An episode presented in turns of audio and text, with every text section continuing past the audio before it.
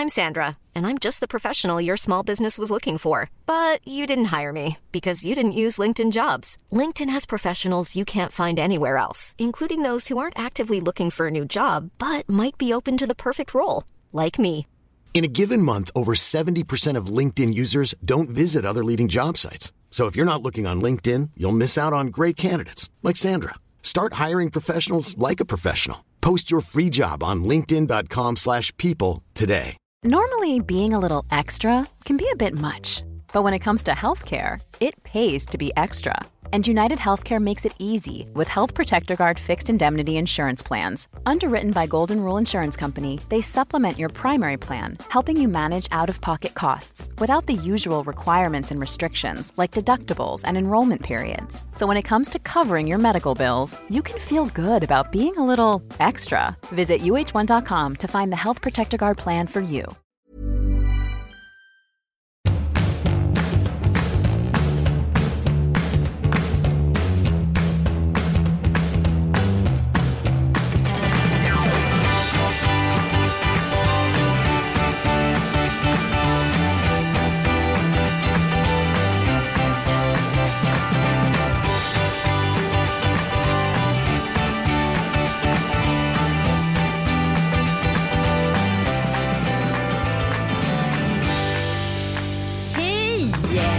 Nej men hallå där ute. Vad kul att ni lyssnar. Men jag då? Mina behov? Ja men jag, just nu så bryr jag mig inte så mycket om andra människor. jag har verkligen gått in i min lilla köttfärslimpa. Alltså, gravid köttfärslimpan. Kan du förklara hur den köttfärslimpan ser ut? Eller fungerar? Den, man känner sig ganska... Dels känner man sig lite omhuldad men dels så tycker man sig att alla andra jag vill inte säga att alla andra är idioter men alla andra pratar om saker som man inte förstår eller inte bryr sig om och man tänker så här hur kan den där intelligenta superläkaren prata om den där idiotiska grejen. Nej, och så det det där, snorig, förverkar, vaggar sakta omkring och så känns det så här, det är sex veckor kvar men det känns som att det kunde lika gärna vara sju år kvar. Jag är fattar. Elefantmamman, det är jag. Alltså, för sex veckor för mig är ju väldigt lite tid. Jag känner ju mer att jag har panik inför att du ska faktiskt få en bebis. Jag har liksom inte förstått att tiden har gått så fort. Nej, men det har inte jag heller. Men samtidigt är det många av mina kompisar som jag inte träffar så ofta som är så här. Gud, det känns som du har varit gravid i flera år. Förmodligen för att vi bara kollar på dig på din Insta Ja. eller blogg. Och då känns det så här, gud vad mycket bilder och gud vad hon är gravid. Men egentligen har det ju faktiskt gått ganska fort. Nej men det har gått jättefort. Du är Mm. en poddbebis. Alltså, den här bebisen kom ju till precis innan vi var i Israel. Eller liksom o- offentliggjordes. Ja. Och det känns ju inte alls som att det var länge sedan vi var i Israel. Nej, och då stod jag fortfarande och hade en sån här negligé och tyckte ja, men att jag var med i matchen. Det bästa var ändå den här bilden du skickade på dig och Ossian till mig häromkvällen. Jag bara, vad fan har du på dig? Ja, Jag har, jag, jag har checkat ut, jag har checkat ut. Och det var liksom, det var nog någonting som såg bra ut en gång i tiden. Det var en väldigt kort negligé. Ja. som Plura skulle ha på sig negligé. Ja men jag känner att jag, det är lite som att jag Ja, men det är inte så att jag känner att jag har förlorat eh, förståndet men jag kan tänka mig att man kan jämföra lite med när man är senildement. Alltså, nu vill inte jag, alltså, jag vill inte ha någon på mig för det här men jag jämför ändå, jag är klart att jag inte kan förstå. Men det kan vara lite så här att jag skulle kunna gå ut i tröja och ingenting under. Ja, ja, ja. Ja. absolut. Lite så eller så här, lite avtrubbad. Ja eller vad ska jag nu? Ska jag till, Var jag alltså- på väg hit? Ja, någon, någon skulle kunna säga nu ska du till Köpenhamn. Ja, Jaha. jag kommer. så om du vill lura mig. Ja, gud ja. Det vill jag ju alltid. Men vi pratade om det där igår. Eh, vi var ju på överraskningsfest i förrgår och eh, min kära man han, han klarar ju faktiskt inte av. Kan vi, kan, det, här är inget, det här är väl ingen skitsnack? Det vet jag inte. Nej men han klarar ju inte av bakfylla. Nej. Nej, Alltså det går inte. Han klarar inte av det. Tvingade ändå upp honom på barngympan 9.45. Och elakt. Ja fast vi hade bestämt det. Jo, men saken är den, som sagt, jag säger så här att vi är ute jättemycket, både jag och Kalle. Ja, men då det handlar det om att man går ut hem, antingen jävligt tidigt eller inte dricker speciellt mycket. Det är Mm. två alternativ. An- Annars funkar det inte. Och speciellt om man har småungar, de ska ju inte straffas av att man liksom är bakis. Och det gör de ju ibland. Ja men, det är klart att de gör. Och jag kan känna så här, nu har han varit borta på alla sina mässor. Och jag är helt slut om jag ska vara helt ärlig. Jag hade ett litet psykbryt i fredags och bara typ satt och grät i duschen. Och då bestämde vi så här, nu får du gå upp på barngympan. Och det var jätteviktigt för honom. Ja. Och så kommer han hem vid fyra ungefär. Ja, inte helt superfräsch liksom såklart. För Nej. han höll på sen halv fem med den här överraskningsfesten. Och då sa jag bara så här, nu har vi bestämt det, nu får du gå upp och ta den här gympan. Ja. Nu måste jag liksom få en morgon. Men det gick ju inte, alltså, han stank ju så mycket så att jag, jag kunde inte. Ja, kan du följa med och visa mig vägen? Ja, så då gick, jag, då gick vi båda två. Ja. Men sen började vi prata om det här lite senare på eftermiddagen. Eh, om att vi båda inte har förstått att det kommer komma en bebis om sex veckor. Nej men exakt, det är ju båda som ni strutsar på varsitt sätt. Ja men helt bananas. Ja. Vi pratar liksom om andra som är gravida och han är så här, men gud vad jobbigt för den, ja, men då kanske inte den vill följa med på festen och så här. Men han säger så här, skynda dig nu, spring upp för trappan, om fem minuter kommer de. Jag bara, jag kan inte springa. Just det, han, vi har båda strutsat med det här barnet på något eller annat sätt. Ja, men nu är det ju dags att liksom, nu, nu är det ju färdigfirat. För han firar ju som Ja. att det är det sista han kommer, gången han kommer gå och fira i sitt liv. Han Ja. förstår inte att det här kommer ske om bara ett halvår igen eller Nej. tre månader igen. Alltså, han har ju firat ut sig. Så är det ju. Jag frågade honom igår, jag sa ska det här fortsätta då efter bebisen har fötts? Att du här, ska leka som att det är sista natten med gänget. Men eh, nej, jag tror att han är liksom livrädd för det här. Han tror att det här kommer att bli liksom the end of his här, free life. Jag sa, det kommer inte vara någon skillnad direkt på vårt liv. Vi har redan liksom för många barn. Ja, det är ingen som kommer lida mer än de redan gör. Nej, det är inte så här att lille Frasse, Noah, Tage, Bosse kommer ligga där och liksom förändra vårt liv. Särskilt inte det första året. Nej, men sen kanske det behövs liksom lite mer grundlig planering från er sida. För ni är båda väldigt spontana. Absolut, Ja. men nu är inte jag spontan längre. Nu har jag slutat vara spontan. Jaha, för du kom på det för tre minuter sedan. Det är som men- Kalle, vet du vad han gör? Han säger, ni ska sluta röka. Jag bara, säg det när du har varit rökfri i nio månader istället. Du är exakt likadan. Ja. Alltså du bestämmer innan och så kan du inte så här infria det. Det betyder inte någonting. Men herregud, det är inte så att jag springer omkring i så här, un, min spontana liv just nu. Det är bara, jag försöker bara ta mig för ruta ett. Nej men ändå Va- sitter du här och planerar tre projekt innan vi kommer igång sant, med det är sant, podden. det är sant. Ja. Ja, ja, men det- Skala ner är ju ditt ständiga problem. Ja. Du kan inte.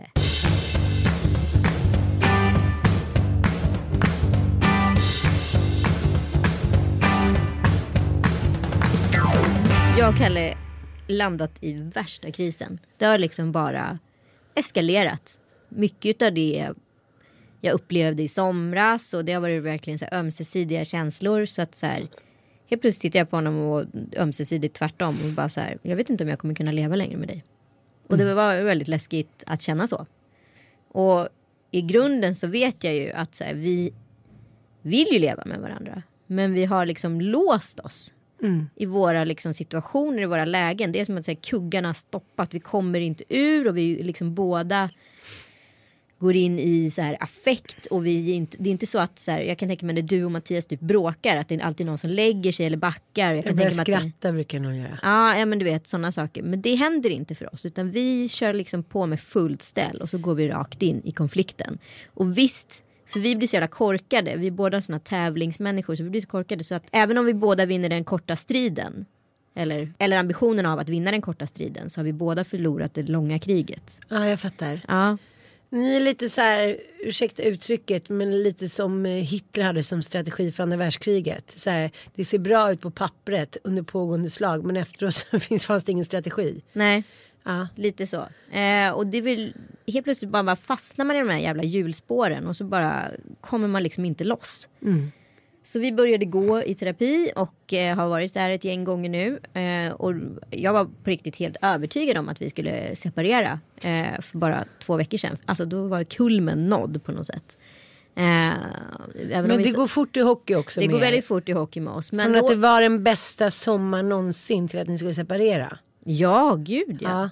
Nej men det, det som hände efter sommaren var väl det som hände med många relationer. Det är alltid så här i september alla separerar. För att då har den där bästa sommaren haft, fått en baksmälla. Bäst som inte- före bäst före datum. Nej men vi har ju liksom levt genom andra och barnen och vi har liksom slutat kommunicera med varandra på grund av barnen. Och det är inte deras fel, det är vi som bara liksom försöker överleva på jävligt konstiga sätt. Plus att så här motsvar, till skillnad, vi hade Agnes Wold som gäst i, i Fyllepodden och då pratade hon om vilket så här oerhört liksom eh, överpresterande liv vi i vår generation generellt lever. För att vi, Professor i bakteriekultur Ja. och ja. eh, Agnes Wold alltså. Och hon sa då så här när vi, när, när jag var ung och fick småbarn då var det ju bara jag och min man och vi hade hämtning och lämning varannan dag och sen var vi utcheckade i tre år. Och sen så sakteligen började vi komma ut i det normala under tiden. Vi gör ju allting i 180 och sen så lägger vi på ett barn där i mitten liksom. Ah. Och det är ju vår tids stora fiende på ett sätt. Det är jättebra Absolut. att det är en frihets och en frigörelse för kvinnan och all, på alla sätt. Men det kostar ju också därefter. Och det är inte bara en, en kvinnlig frigörelse som kostar, det är en relationsförgörare. det kan vi i alla fall konstatera. Men det var ju någon som sa till mig häromdagen, men gud, vågade du skaffa ett barn till? Alltså, hur menar du? Jo men vadå, det vet ju alla att liksom, när man skaffar ett till barn, det förstör ju ofta relationen. Så så här, ah, it's too late now liksom, för att tänka på det. Men jag tänkte också på en sak som jag läste häromdagen i DN, en intervju med Pernilla August inför premiären av Den goda viljan. Hon sa så här, jag ångrar absolut inte att jag liksom tog en paus när barnen var små. För att vara regissör med små barn, det hade jag aldrig mäktat med. Så tänker jag på mina kompisar som är kvinnliga regissörer, de tänker inte alls så. Och det här är ungefär, kan man säga 20 år senare då. Att det har hänt någonting, tidkapseln har gjort att, så här, att vi inte ens på något sätt beaktar tanken att det skulle vara så här att man skulle ta en paus. Nej, det finns ju inte. Och för mig handlar det mycket om, som jag resonerar, och det har jag gjort i flera poddar och allt möjligt. eh, Kanske också nu Värvet som kommer. Ja just det, det måste jag också ta upp. Denna stoltheten. Jag sa det till Kristoffer, ska inte jag få med? Jag känner dig för väl. Jaha, jaha. Ja, ja. Gud så tråkigt. Så tråkigt. Ja, Nej men eh, att jag, för mig handlar det mycket om så här, jämställdhetsgrejen. Att just jobba och hinna ikapp och inte förlora mark motsvarande som många gör. Men det handlar ju om det. Förstår du? Det är ett krig att vinna. Jo, jag vet, men jag tänker- Men det är, det är liksom den nära striden med sin partner förlorar man ju. Alltså det är ju dubbelt. jag här. vet, jag vet. Men, men det som har hänt då de senaste 15-20 åren är att om du hade varit Pernilla August Ja. för 20 år sedan då kanske du hade beaktat i alla fall att ta en paus under småbarnstiden. Ja, Ja, men idag så är det liksom inte ens ett option. För jag tror att vi är så rädda i den här liksom Eller har vi blivit galna? minutes, eller 50 minutes of fame att så här, om jag håller mig borta en minut från mina 50 minutes of fame då kanske de aldrig kommer tillbaka. fast här fanns det ju inget narcissistiskt kall. Här fanns det liksom jag har signat upp mig för projekt som liksom skiter i om jag har en bebis eller inte. Jo, jo, men det kunde ju Pernilla August ha gjort såklart också. Ja, jag vet. Dålig ursäkt. Nej, men jo, men absolut. Men samtidigt kan jag tänka mig att förr i tiden så resonerar man ju och det gör man väl fortfarande i stor mån. Att säga, ja, när jag blir föräldraledig då är jag borta från världen i liksom 18 månader eller 12 månader eller vad det nu är. Och sen så kommer jag tillbaka. Men idag behöver du inte ens planera så. Nu vet ju du så här. Du vet ju nu Ann. Att vi ska sätta upp en föreställning på Intiman. Det är ju inte så du bara säger hej då sayonara, ha det bra. Eh, och, sen, och så vidare. Så att så här, du vet ju vad du kommer göra i sommar. Och det är väl klart att du kan säga hej då, ha det bra, tack. Men det funkar ju inte så. Nej. Du är egna företagare. Precis, men jag tänker också den stora skillnaden när man hör om barn som har vuxit upp då i den kreativa miljön kanske på 50 eller 60-talet. Då kändes det så tydligt att antingen fick man då välja eller så blev det så att man var hemmafru, de hemma med barnen. Eller också så var man kreativ, säg skådis eller sångerska eller någonting och då checkade man ut. Då var det någon annan som tog hand om barnen. Man har liksom gjort ett moderligt eller faderligt val. Och då kunde man egentligen ha åkt hem efter föreställning men då gick man ut på Dramaten-restaurangen och typ drack och rökte och vad man nu... Nu pratar vi ungefär en promille utav befolkningen eller knappt det. Jo men, jag menar ändå. jag tror att det, att, det, att det som jag tänker ofta är att det går ju. Det funkar ju. Ja. Men samtidigt så är det så att det måste ju finnas en orsak eller anledning till att så här, ungdomar mår sämre än någonsin. Jag tror också att det handlar om att vi intalar oss själva att allt funkar så jävla bra hela tiden för att vi vill att det ska funka bra. Och det är lite som med relationer. Som Jo. du och Kalle plötsligt bara, men shit. Du, Vad fan är vi i det här? ja, liksom, vi tyckte att vi hade det superbra och sen stannade vi till lite så bara, vem är du? Mm. Men det var ju exakt så det kändes som jag upplevde och sa i podden också tidigare i somras. Att jag kände att vi var så att jag för första gången kände mig liksom mer vuxen än honom. Och så är jag ju egentligen inte. Utan just där och då i den situationen så var det så. Men vi hade ju vuxit om varandra. Eller vuxit isär eller vad man ska säga. Och nu har vi liksom kommit över krönet eller vad man ska säga på den här terapisessionen. Nu vet man ju exakt varför man är kär i den personen. Och sen får man ju börja vara rädd om varandra på ett nytt sätt. Så är det ju bara. Men jag tänker om jag jämför min nuvarande relation med min förra i bråktermer. Då om jag sa så här, men det här kommer inte funka, vi separeras. Då var ju det som att liksom skära en kniv i is. Nu är Mattias så här, ja ja du håller på med din separationsred, vi ska vara särbo hit och dit. Men ge mig ett förslag, hur skulle det funka med två små barn och dina tre barn så här, kom hit nu älskling. Alltså han har en helt annat förhållningssätt. Ja. Han har inget stolt förhållningssätt. Sen kan han också säga, då, kan jag, då sticker jag med Bobo. Jag bara, men okej älskling. Alltså det är lite som att när den ena börjar hota och skena då blir, den andra så här, visst visst älskling. Så, så, så här för en kopp kaffe och då blir det så här, Alltså då inser man att stoltheten också gör att man blir en idiot och en tönt, ursäkta uttrycket. Ja, ja, Men gud, om ja. någon annan liksom bara speglar en vilken, liksom, eh, vilken degradering man har gjort och hamnat i så här tvåårsblåsan. Då går det ju väldigt snabbt att stävja. Ja, ja visst. Nej, Ja. men och sen finns det ju liksom mycket andra så här klockrena liksom, exempel på varför vi är där vi är. Ja. Vi har varit ihop i sju år. Eh, vi har ett småbarn som är en terrible two med allt vad det innebär. Eh, vi är båda going on 40. Alltså det är mycket som händer i livet och det är, vi står ju inför massa stora val och paradigmskiften. Också så här har händer det grejer för både liksom mig och Kalle. Liksom, så att det är massa saker som händer och det är sjukt spännande grejer och det är svårt att så här, navigera. Och där vi har landat i alla fall att så här, de saker vi uttrycker mot varandra uh, landar på ett nytt sätt nu hos oss båda. Och då får man ju börja fundera på eh, att man säger okej men du är rädd för det här och jag är rädd för det här. Eh, hur kan vi hantera det? Men jag tror att det handlar också om att man tror att man är så super special, har hittat sin egen föräldranisch. Att man inte alls påminner om någonting som man inte ville bli. Det är den klassiska krönikan i eh, Aftonbladet häromdagen. av En eh, journalist på Aftonbladet där rubriken var så här. Jag blev föräldern jag hatade. Jo men exakt. så, här, så mycket hat man kände mot de där ungarna som sprang förbi en på restaurangen eller var på utställningen och så här, gick in i the contemporary art och sådär. Och själv var han bara så här, nej men gud jag ger upp. Jag bara går in i mig själv. Så här, ställ mig till svars, hata mig. Jag orkar inte bry mig längre, det kommer inte bli bättre typ. Nej men och, och, och grejen är ju att som jag upplever det så är man, när man är i någonting så är man ju så jävla svårt att se det från ett fågelperspektiv. Och det som har hänt nu det är att man för första gången kan se vad man säger i ett fågelperspektiv. Och det är ju så viktigt. Och det, det här måste vi ju ändå prata lite manligt kvinnligt. För här tror jag vi kvinnor är bättre att här, kunna analysera situationen när man är i situationen. Men där tror jag liksom inte männen är med. Och skulle jag nu säga det här till Kalle, så här, men jag tror att det är så här i brinnande situation när vi båda egentligen inte alls är i fågelperspektivssituationen. Eh, Då skulle han bara ta det som en ytterligare en krigsförklaring. Men det kan ju en terapeut göra åt en. Eh, och hjälpa en med. Och då helt plötsligt så tycker han också så här, men gud vi är inte kloka i huvudet. Jag bara, nej exakt älskling. Men jag tänker också de som man använder, de giftpilarna man använder som jag nästan alltid använt i mina relationer. Det är att gå på nära och kära. Ja. Du blev precis som ex. Ja. där ser du själv det beror på att ex inte liksom älskade dig eller bla men den bla, är ju bla. jag också, sån är jag med. Ja, men den är så enkel att ta till och den är så feg och den är så dålig men den stämmer ju så jävla ofta. Men sen tror jag också det finns en annan grej som män är mycket mer rädda för än kvinnor. De är väldigt rädda för att vara onormala. De är jätterädda för en onormalitet och vad den onormaliteten nu må vara.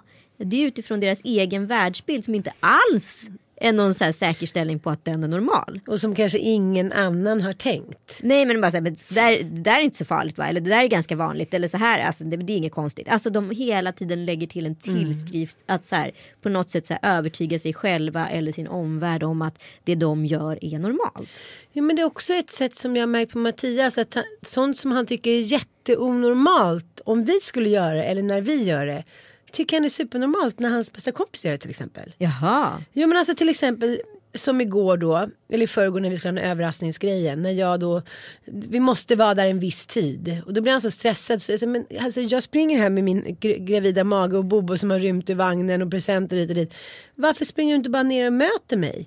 Kommer, ja men då kanske någon kommer och liksom Förstår du vad jag Ja, ja, menar? visst. men, men om det hade varit hans kompis då hade han sprungit ner Han är rädd för att vi ska vara de som gör liksom att situationen spräcks. Aha, Förstår du vad jag menar? Jag fattar. Ja. Men en annan kanske kommer liksom två timmar för sent och säger så här, ja men min fru mådde lite dåligt eller hit och dit. Eller en grej som jag tänkte så tydligt på, hans bästa kompis eh, flickvän eh, var sjuk så hon kom inte. Nej. Och då tänker jag om jag skulle sagt i samma situation, jag känner mig lite liksom urslig och gravid och så här, det skulle inte Mattias klara av. Nej. Utan jag måste vara med, vi måste alla vara med. Liksom, jag får inte visa mig svag. Nej. Utan ska vi då eh, liksom bjudna någonstans då måste vi alla gå. Det är otroligt viktigt för mig att vi kommer så- som en familj liksom. Ja, det- Han skulle inte speciellt. förlika sig med att så här, vet du Ann är svintrött, hon är höggravid, det har varit otroligt mycket med henne med premiären och sånt där. Det klarar inte han. Men han kan se att alla andra, ja jag förstår, hon är trött, hon har haft Ja. det jobbigt. Men- Det har vi pratat jättemycket om. Du måste också se mig som en person. Liksom inte i familjen utan liksom en egen individ. Det där märkte jag i terapin att jag och Kalle har väldigt så olika upplevelser av. Att han är mycket mer så här ceremoniell eller vad jag ska kalla det för. När, när det ska vara middag då ska alla vara där och det ska vara trevligt. Och trevligt är någonting som är visuellt för honom och någonting som är Tända allt från ljus, drink i pillis. Exakt. Under tiden så här, trevligt för mig det är en känsla. Det är en trygghetskänsla. Ah, nu, nu är det soft, här kan jag ta det lugnt och mysa liksom. Och där är man ju så jävla olika. Och när man inte förstår att, an- att det är viktigt för den andra oavsett. Alltså jag bara som gud sladdar in på en middag eller står och käkar vid diskbänken. Då blir han superarg. Men då kommer det ut som någon sekundär ilska i, något, i någon annan form. Under tiden jag blir skitirriterad på när han inte alls uppskattar det jag tycker är trevligt liksom. Enligt mig som är en känsla som jag har svårt att förmedla då uppenbarligen. Men ändå känner. Då går det åt helvete. Men jag kan känna igen mig i det här som Kalle, det här ceremoniella och att man på något sätt skapar en känsla som inte behöver vara sann. Men om jag kommer in i vardagsrummet till exempel när jag har lagt Bobo och Mattias sitter och kollar på en film och han inte har tänt lampor eller tänt Ja, ljus. det blir Kalle galen på mig med också. Eller liksom bullat upp lite med kuddar. Jag tycker att det är ett förakt mot oss, liksom oss som par. Att han inte ens har försökt göra mysigt under den här tiden. Eller om vi ska käka middag och han inte har tänt ljusen. Då tycker jag ungefär, det går som att sätta sig i en död hög av grus. Du vet att jag är så jävla glad efter jag åkte till USA. För du vet vad Mia Parnevik har hemma? Hon har elektriska stearinljus med timer. Så helt plötsligt kan jag bara trycka på en knapp så bara hela hemmet upplyst av ljus. Men de är ju superfina Men alltså de USA ljusen. har räddat min relation. Ja, men jag har ju köpt några sådana ljus. Det är bara att batteriet åker ur. Men de är jättefina tycker De är jag. underbara och Ja. så jävla härligt att alltså bara sätta på en timer så går de på så brinner de i fyra timmar så släcks de. Alltså det är för Kanske mig. det jag ska ha. Är det räddningen på myset? Eller det ceremoniella myset i relationen? Men jag tror att man är uppvuxen i en mer eller mindre dysfunktionell verklighet. Och den kan ju också ha varit väldigt ojämn. Det är det som också gör att man är så osäker på det. Ja. För om Men- det bara är liksom tjafs och bråk och misär och dysfunktionalitet, ja men då hjälper ju ingenting. Men jag är också uppväxt med att man ska klä upp sig, mamma och pappa ska ta en drink, det ska liksom vara ordning och re- reda. det kommer ju inte jag ifrån. Jag kommer ju inte från den relationen eller barndomen alls. Nej men hur var din barndom då? Nej, men den var ju ganska så här väldigt Svensson. Alltså det fanns inget sånt. Det där är liksom något stockholmskt och det är väldigt svårt att förklara. Det där är, och där är ju vi nu. Vi skapar ju den till våra egna barn. Att det här är något trevligt. Penny älskar när vi har gäster. Fan, vi sa främmande. Bara relationen till de två orden. Gäster är något inbjuden. Främmande, något hotfullt, obehagligt som kommer Nu måste hem. vi så här, skärpa till oss. Ja, och, ja. så här, främmande, då skulle alla vara på tå. Liksom. Det var ju inte speciellt trevligt för mig när jag var liten. För det var ju något så här, kopplat med något jobbigt. Att vi skulle spela en liten charad. Under tiden i Stockholm är det liksom det trevligaste tänkbara. För då behöver vi inte prata om vår egen relation. Då kan vi prata om alla andras Mm, relationer. Men jag tror att mina killar tycker nog att det är mysigast när det är liksom ett par stycken. Ja. Typ så att du och Penny och Tom Allan kommer så att ungarna kan vara lite, det blir inte för liksom uppenbart att det ska vara en tillställning utan man får vara med, man får gå in och ut lite i Men sällskapet. Jag älskar ju trill-in. Alltså det spontana är ju alltid det bästa. Så här, Hej, är du i närheten? Kom upp. Vi tar eh, en igår. kopp te eller, eh, eller liksom vad det nu är. Liksom. Att, att det inte behövs att det inte är en ceremoniell Mm. fest. Då mår jag som bäst. Under tiden Kalle tycker att det är jättehärligt när det är någon, en ceremoni. Att vi har liksom eh, fixat ordning och förberett och det har jobbats länge i köket. Så kan jag ju älska när en kompis ringer och säger Fan jag är utanför, kan jag gå och kila upp eller? Det är det bästa jag vet. Ja. Ja, jag håller med dig, jag håller med dig. Men jag måste ändå så här, där står jag lite på Kalles sida att när man är van vid det där under så många år då känns det så naket och futtigt.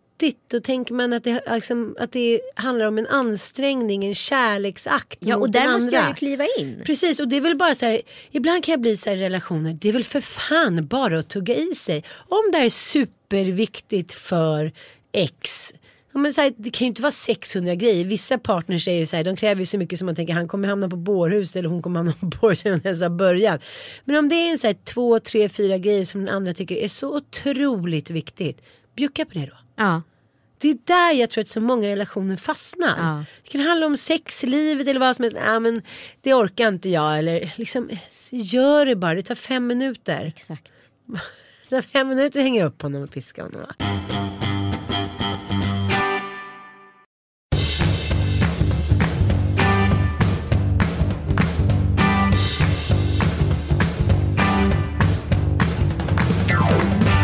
Sen handlar det mycket mer om andra saker också. Vi är ju också inställda på väldigt olika sätt. Exempelvis hände en grej för, för förra veckan eller vad det var som var oerhört traumatisk för Kalle. Som inte alls var lika traumatisk för mig. Eh, Kalle liksom lagade mat på Periscope. Eh, en, här livesändning eller vad man ska säga. Där då n-ordet yttrades i ett flertal olika former. Eh, och eh, vi reagerade väldigt olika på det här. Han blev helt knäckt och bröt ihop. Han har till att börja med aldrig tänkt tanken att hans barn är utav en annan färg. Men jag såg ju det här klippet. Ja. Jag kollade på det med Ossian. Och eh, den skräcken som lyser upp hans ögon när han inser att någon har skrivit neger om Ja. hans dotter. Alltså det är både rörande och så, här, så otroligt jobbigt att bevittna. Ja, han, Hon, hon är ju lyckligt ovetande och här är vi väldigt olika. För mig som alltid varit neger eh, per definition. Ah, ah, Förlåt, ah. nu säger jag det ordet som jag inte får säga tydligen till våra poddlyssnare. Men nu sa jag det. Eh, och alltid vuxit upp med det i en eller annan form. Allt från grannen på gatan som undrar vad mamma och pappa, varför mamma och pappas lilla negerunge står och sjunger Du gamla du fria till liksom att jag var en bra neger i Strömstad jämfört med de dåliga negrerna som var invandrare. Eh, på riktiga invandrare. Eh, till att så här, rasisterna från Tanums hede kom och inte hade någon koll på vem som var en bra eller dålig neger och man fick lika mycket däng som de dåliga negrerna. Liksom. Alltså, det här har liksom pågått i hela mitt liv. Och varenda jävla anställningsintervju jag var på när jag var 20 någonting så frågades det om jag åt eh, griskött hos matvaruhandlaren till allt möjligt. Vad som helst. Det här har pågått i hela Gud, det mitt hade liv. jag ingen aning om. Nej men herregud. Det här är varenda mörkhyad människa med om. Sen tror jag liksom det finns grader i helvetet. Jag känner mig så naiv. Ja du känner dig så naiv. Ja men det känner nog de flesta svenskar inklusive Kalle Schulman. För han har själv varit en snubbe som sprang runt och skrek neger i skolkorridorerna eller eh, eh, hat, eh, bevara Sverige svenskt och andra dumma grejer som folk gjorde på 90-talet. Och det är så jävla viktigt att han får en sån käftsmäll så att han blir en negerpappa helt enkelt. Ja men på riktigt. Ah, wow, word. Nej, för att det är fan med för jävligt. Men grejen är så här, ja, det här är min relation till det så här. Ha, men då så, då börjar vi härda henne nu då. Börjar vi härda henne nu? Hon vet ju inte om den här diskussionen. Men det är lika bra att hon får börja få en relation till det här ordet. Och vad det här ordet är för kraft. Vi är inte släktingar till slavar. Och vi kommer aldrig ha en sån stark laddning till ordet som en afroamerikan i USA kommer ha. Och också bli maktreglerad därför att. För att han är, eller hon är, en slav i förlängningen. Men vi kan använda ordet med samma kraft. Vi kan marginalisera, vi kan värdera. Men däremot så tänker jag att en ung generation kanske inte tycker att det är ett större ret än att säga glasögonorm. För att man vet inte riktigt vad ordet innebär. Nej, man vet sant, bara att man sant. gör skillnad på svart och vit. Och vit är lite bättre i just det här fallet. Men det är ungefär som att i korridorerna kunde man skrika så här "S- springer som en jude. Mm. Det skulle ju väldigt få 12-åringar idag förstå innebörden Exakt. av den liksom hädelsen och smädelsen. Mm. Men vad hände då? Eh, Kalle gick ut på liksom Instagram och då här blir jag lite morsa i det här fallet. Ehm, och liksom skrev eh, ett inlägg som var superbra. Och här är jag dubbel men jag är också lite mamma. Förstår du vad jag menar? Ja. Att jag tänker att det sitter någon. Jag till att börja med tänker jag så här lite förlängningen vilket Kalle inte gör. Han tänker att det är typ en 45-årig liksom arg gubbe som kopplar upp sig på Periscope och liksom skriver neger. Det tänker jag direkt att det här är en 12-åring. Ja. Eh, Det är en snoris. För de, jag kan inte ens, jag har svårt för att liksom logga in och liksom lära mig upp. Och jag är ändå så jävligt duktig på sociala medier. Det här är någon liksom som är ganska i det här flödet i, med internet i blodet som har gjort det här. Det är en alldeles för ung person som inte har en relation till ordet i min direkta koppling under tiden. Kalle till att börja med tror att det är en 40-åring någonting. Så här är ingångarna väldigt olika. Han reagerar i affekt och blir väldigt och han är ju mycket mer vem var det, vem gjorde det, vem detta. Under tiden jag är så här okej om jag hade varit nu 12-13 bast och någon stor vuxen person med så här, Sveriges mest lovable Instagram baby eh, kommer med hela sitt 220 000 artilleri människor och bara så här jag ska hitta dig din jävel. Då hade jag skit i knäck. Ah. Och det är kanske typ enligt mig då ett straff nog. För jag tänker om man säger en ordet då handlar det mycket om vad, i vilken miljö säger jag det här ordet. Hur ser det ut i mitt rum? Eh, hur bryr sig mina föräldrar om mig? Är jag populär bland mina kompisar? Alltså jag tänker att det är så här, de människorna som jag upplever har sagt det här ordet till mig i min uppväxt. De har ju själva mått sämst. Ja. Och därför har jag alltid liksom blidkat dem på något töntigt sätt eller förlåtit dem. För att jag vet att det har varit så jävla jobbigt för dem. Så att jag alltid liksom känt mig att jag har stått över dem till och med när de har sagt ordet till mig. Förstår du? Mm. Ja, det är en dubbelhet i det. Men det är, ovanligt starkt. Ja, men jag jag är ju också. också stark en jävla Mm. häst, det vet ju du. Eh, men under tiden Kalle då är liksom ute efter en vendetta och helt plötsligt får han då en 15-årig kille. Eh, som har mått så dåligt så att han inte gått i skolan på hela veckan och det var typ tre dagar vid det här laget. Och eh, han har stängt ner alla sina sociala mediekonton. Han fattar när han har gjort jättefel och han förstår vad det innebär. Men Kalle vill inte ge sig utan han vill ha tag i pappan. Och han får till sist samtala med pappan. Det är väldigt vänskaplig nivå, det är väldigt så här, fin dialog hela tiden. Um, och pappan blir jätteledsen och liksom pratar med honom. Och då känner sig Kalle nöjd. Och här kan jag ju någonstans hålla med Kalle att han gör rätt. Samtidigt upplever jag att han gör fel, förstår du? Ja, jag vet inte riktigt heller. Å ena sidan så får ju han sin personliga upprättelse gentemot Penny. Ja. Men hon andra- är ju liksom också kamouflagen för hans egna känslor. Å andra sidan så, vet du vad jag tänker? Om han inte hade pratat med pappan, då hade den här unga pojken stått med skammen själv. Och den kanske aldrig hade släppt honom. Nu när pappan får reda på det, då kan de prata tillsammans om det nu är en vettig far. Då får han på något sätt både Kalles och familjens förlåtelse och då kan han gå vidare. För det tycker jag man märker med tonåringar att de vill på något sätt mörka massa saker de gör för att de förstår att de har gjort fel men de kan ändå inte låta bli. Nej. Vilket är en del av liksom tonårens dilemma. Och om det då lägger sig ännu en hög i den här liksom skamkammaren eh, där inne i hjärtat. Då leder det till skam och skuld, förnekelse, förträngning. Vilket är liksom det värsta man kan göra som leder till psykisk ohälsa, dåliga relationer, dåligt faderskap, moderskap etc. Men nu har det gått hela vägen. Han har fått skämmas. Jag kan bara jämföra med när jag rymde när jag var barnflicka och rymde från min familj för att jag skämdes så mycket för att jag tyckte de hade varit snälla. Så att jag istället för att säga som det var att det här var inte min grej men tack som fan jag stannar kvar tills ni har hittat någon. Mm. Så rymde jag då med min kille och sen så, ja det var väl härligt att resa runt i USA men det var ju bara nätter av ångest och svett och mardrömmar och liksom pappa som ringde och sa att de undrar var du har tagit vägen, de är så ledsna, bla bla bla. Det ledde ju bara till att mina nästkommande månader blev ett helvete fast det kunde ha blivit fint. Mm. Ja, ja, för att jag hade, om jag hade lärt mig att ta ansvar. Så det kanske är helt enkelt jättebra att man Jo men för att nu kan han gå vidare. Annars skulle han kanske tänkt i två år. Tänk om någon får reda på det här. Tänk om mina föräldrar får reda på det. Men som jag kan uppleva vendettor också när man liksom har då fått sin punkt sagd. När man själv har tömt sig, förstår du? Ja. Eh, och fått sin reträtt. Då kan ju den landa, om, om låt säga att det här är en bra pappa och en vettig pappa som kommer snacka och det blir en jättebra fin dialog och man tänker att allting blir så här Stockholmshärligt. Det vet man ju aldrig. Det vet vi inte. Kan också För bli... det, den här pojken bor i en annan del av landet. Eh, men det som också kan hända kan ju vara att det här kan ju liksom bli en stor skam och skuld och snart så vänder det här till något fruktansvärt hat och så har man liksom skapat en SD-are till liksom. Ja men efter att ha jobbat med, med de här djävulsdansen och människor som inte har vågat prata om familjesituation under 20-30 år.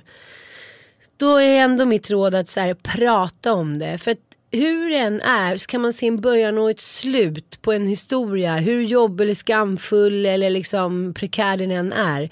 Men om det hela tiden inte finns i verkligheten bara hos en själv. Du vet ju själv ibland när jag stoppar huvudet i sanden så är det så här, men varför sa du med dig." ingenting? Jag menar, hur mycket sämre mår jag när jag ska, ska, ska bära hundhuvudet själv? Det är vedervärdigt. Bara att få prata med någon gör ju att så här, luften blir i alla fall lite blåare igen. Liksom. Ja. Ja, Så ringt. där- Ja, du, okej, okej, jag, jag, jag kapitulerar. Ja, Kalle, Kalle ja, gjorde ja. helt rätt. Ja, bra Kalle. Bra Kalle. Tack Kalle. Vi måste ju prata om tv och otrohet. Ah. Det är ändå ett rafflande ämne. Mm, ja, jag vet. Jag tycker vi kan prata lite om otrohet överlag. För jag kollade nu i Aftonbladet och de har någon serie som då är belagd med plus som jag vägrar betala den där en krona i månaden. Jag vill inte gå bankrutt. Nej men då är det så här, hon var otrogen i 14 år och blev gravid med en annans barn och bla bla bla bla. Men jag tänker om vi tar just tv och kändisbranschen så är ju folk otrogna där som i vilka andra branscher som helst. Tycker ändå att den stora skillnaden är att det är okej i vissa branscher. Ja, Tv-branschen. Ja, tv-branschen är ju också någon typ av... Jag skulle nog säga att det är den enda branschen jag känner att så här, verklighet och dikt flyter ihop. Speciellt för folk som jobbar där i. Om vi jobbar med program som handlar om exempelvis svåra relationer eller otrohet. Då, det finns inga gånger jag har blivit färgad så mycket av mitt jobb som när jag jobbat med tv. Att man är så i det. För att det är ett sånt emotionellt jobb. Ehm, och som jag tror att jag har haft. Jag tror att jag har haft en sån här ADHD som kanske vuxit bort med åren. Ja. En sån, att, så här, omognads ADHD. Eh, och jag tyckte att jag var ganska rörig liksom, fram till jag var 25 om jag ska vara riktigt ärlig. Eh, och då är det jävligt svårt. Det tror jag många som jobbar med tv kanske har någon typ av sån liten diagnos. Ja, just för att det också är så här, man behöver ju inte växa upp och det är väl ingen som har sagt att man behöver. Men den omhuldar ju det. Ja, absolut. Att man hela tiden, det är nya projekt, det är nya människor. Man så här, håller varandra om ryggen för att det sker konstiga grejer. Man reser iväg, det kanske blir lite att fylla.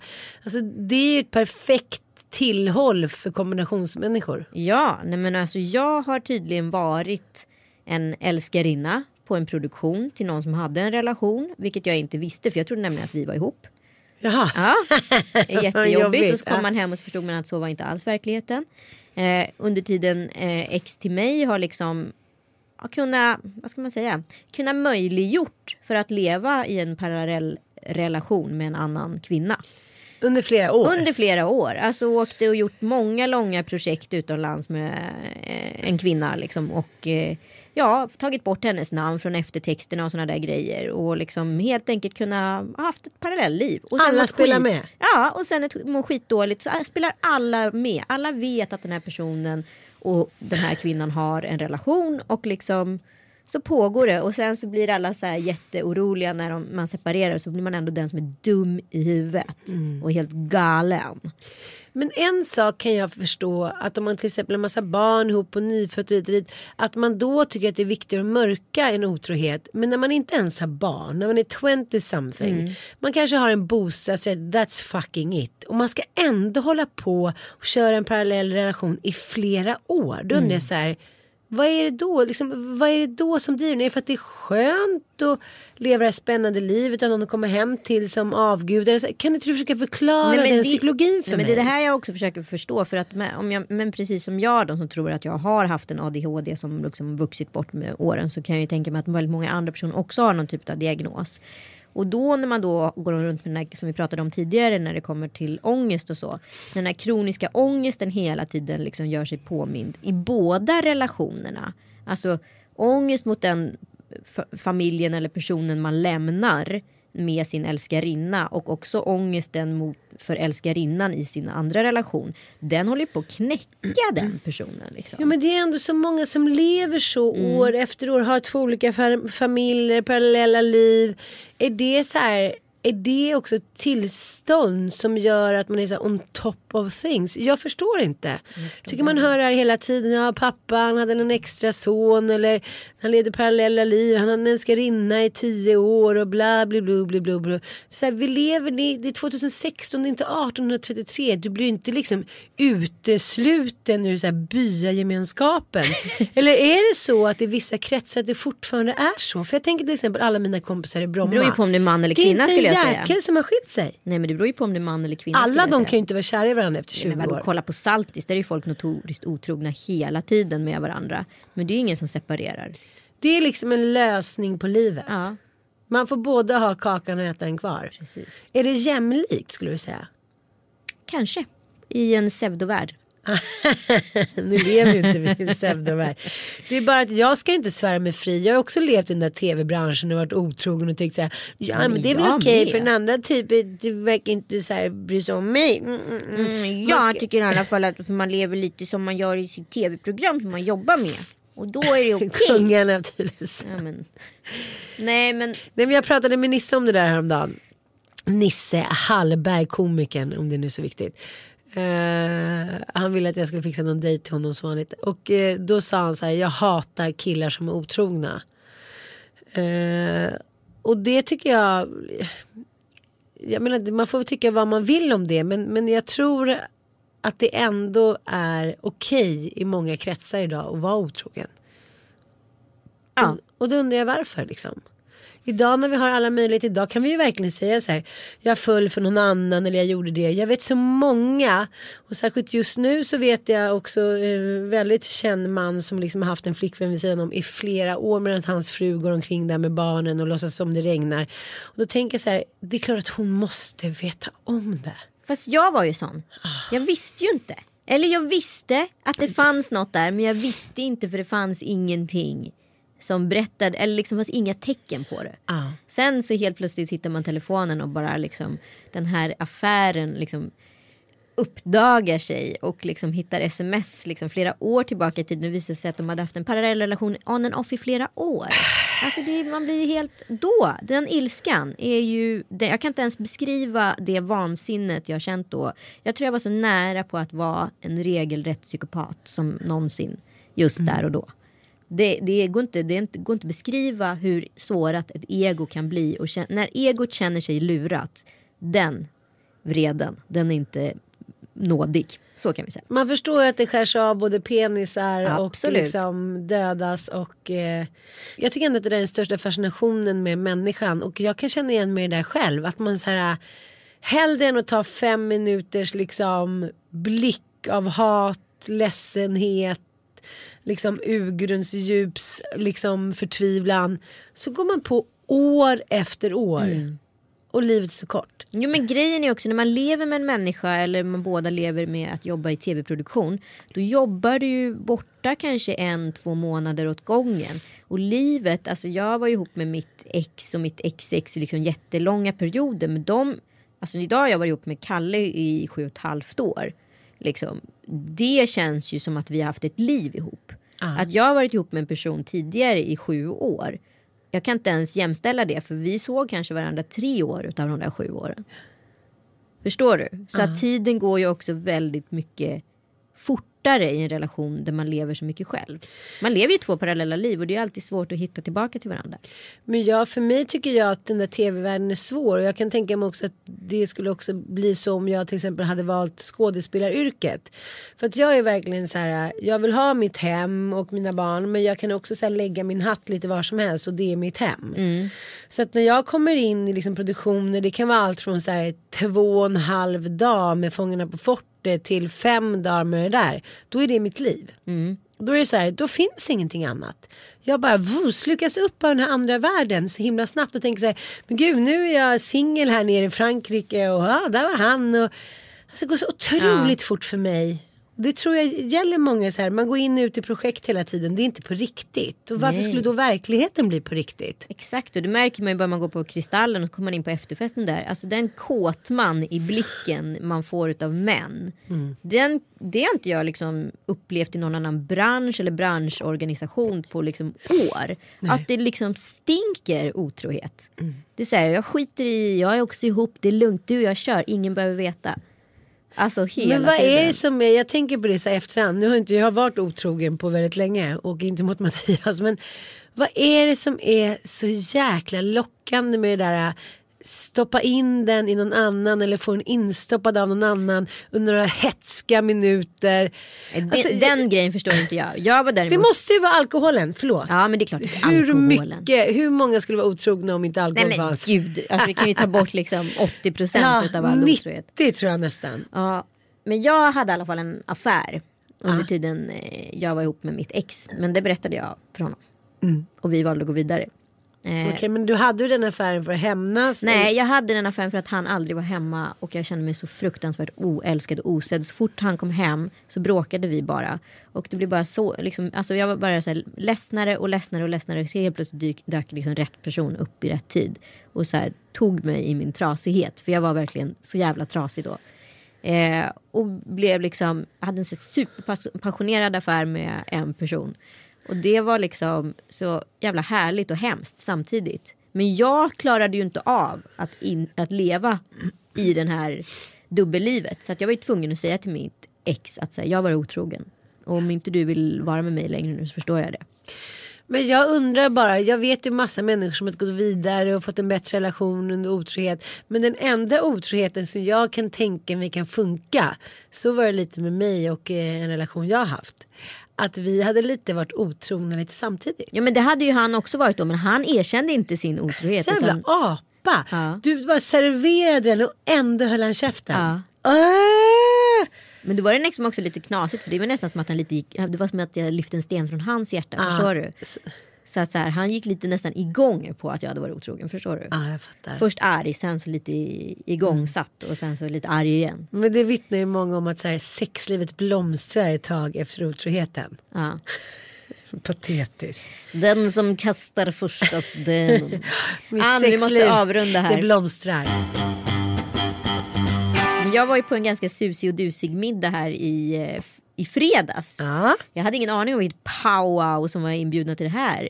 Så helt plötsligt satt jag på liksom middag med så här, Molly Sandén och Sara Larsson och Danny och Men jag fattar inte vem som hade bjudit in till Men den. Hosse, Roshi Hosse och hennes syrra Sha- Shahare De har en eh, PR-byrå som heter Hosse Events Ja. Och de känner liksom the powwow i stan Och jag har ju inte fattat det eftersom jag aldrig är på Facebook Och där är oftast alla inbjudningar Så jag fick en inbjudan via Instagram och var så här, gud vore så kul om du kommer Jag tycker Roshi är världens gulligaste Och hon är också bästis Molly eh, Så jag bara ja men gud vad kul jag kommer Och det var så här, schysst sushi, det där Katsai som öppnat istället för Ah. hotellet Eh, så det var liksom Rebecca och Fiona, alla var där. Vi hade så kul, det var en skitkul kväll. Mik- Mikaela Forni och hennes underbara Damon var där. Ja, vi hade så roligt. Du Eh, var med the it-list. Jag var med The It The List. youngsters. Kalle var så här, jag ska åka på turné med Rebecca och Fiona. Han står och dansar naken typ. Istället Nej, för men- Apollo. Nej men han var så här, de är, som, de är som två snubbar. Det är det roligaste jag varit med om. Ja, jag bara, men ja men det är det unga tjejer är. De är det knasigaste, roligaste du kan vara med. Fattar man inte det så har man missat någonting. Unga brudar, I fucking love you. Mm. Eh, helt plötsligt kommer då Kent Ekroth, du vet SD-nas SD-are, in på eh, Kasai med två Säpo-vakter. Och något sällskap eller? Nej, själv.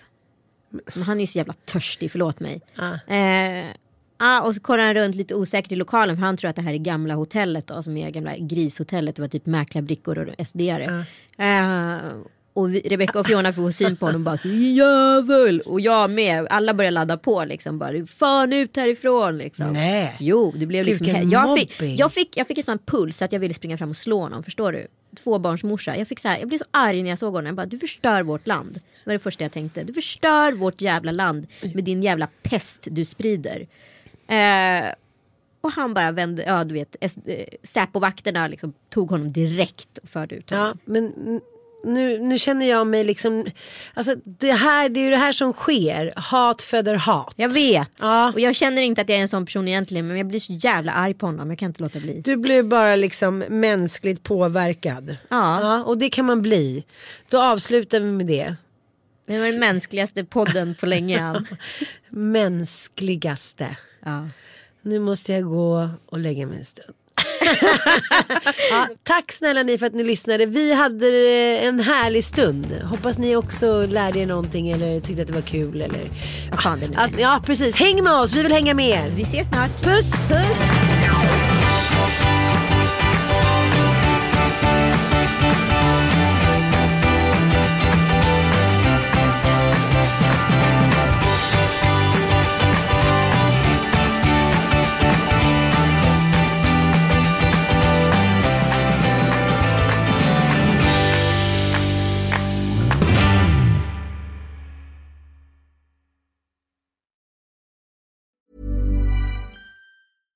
Even when we're on a budget, we still deserve nice things. Quince is a place to scoop up stunning high-end goods for 50 to 80% less than similar brands. They have buttery soft cashmere sweaters starting at $50, luxurious Italian leather bags, and so much more. Plus, Quince only works with factories that use safe, ethical, and responsible manufacturing. Get the high-end goods you'll love without the high price tag with Quince. Go to quince.com slash style for free shipping and 365-day returns. Here's a cool fact a crocodile can't stick out its tongue. Another cool fact you can get short term health insurance for a month or just under a year in some states. United Healthcare short term insurance plans are designed for people who are between jobs, coming off their parents' plan, or turning a side hustle into a full time gig. Underwritten by Golden Rule Insurance Company, they offer flexible, budget friendly coverage with access to a nationwide network of doctors and hospitals. Get more cool facts about United Healthcare short term plans at uh1.com.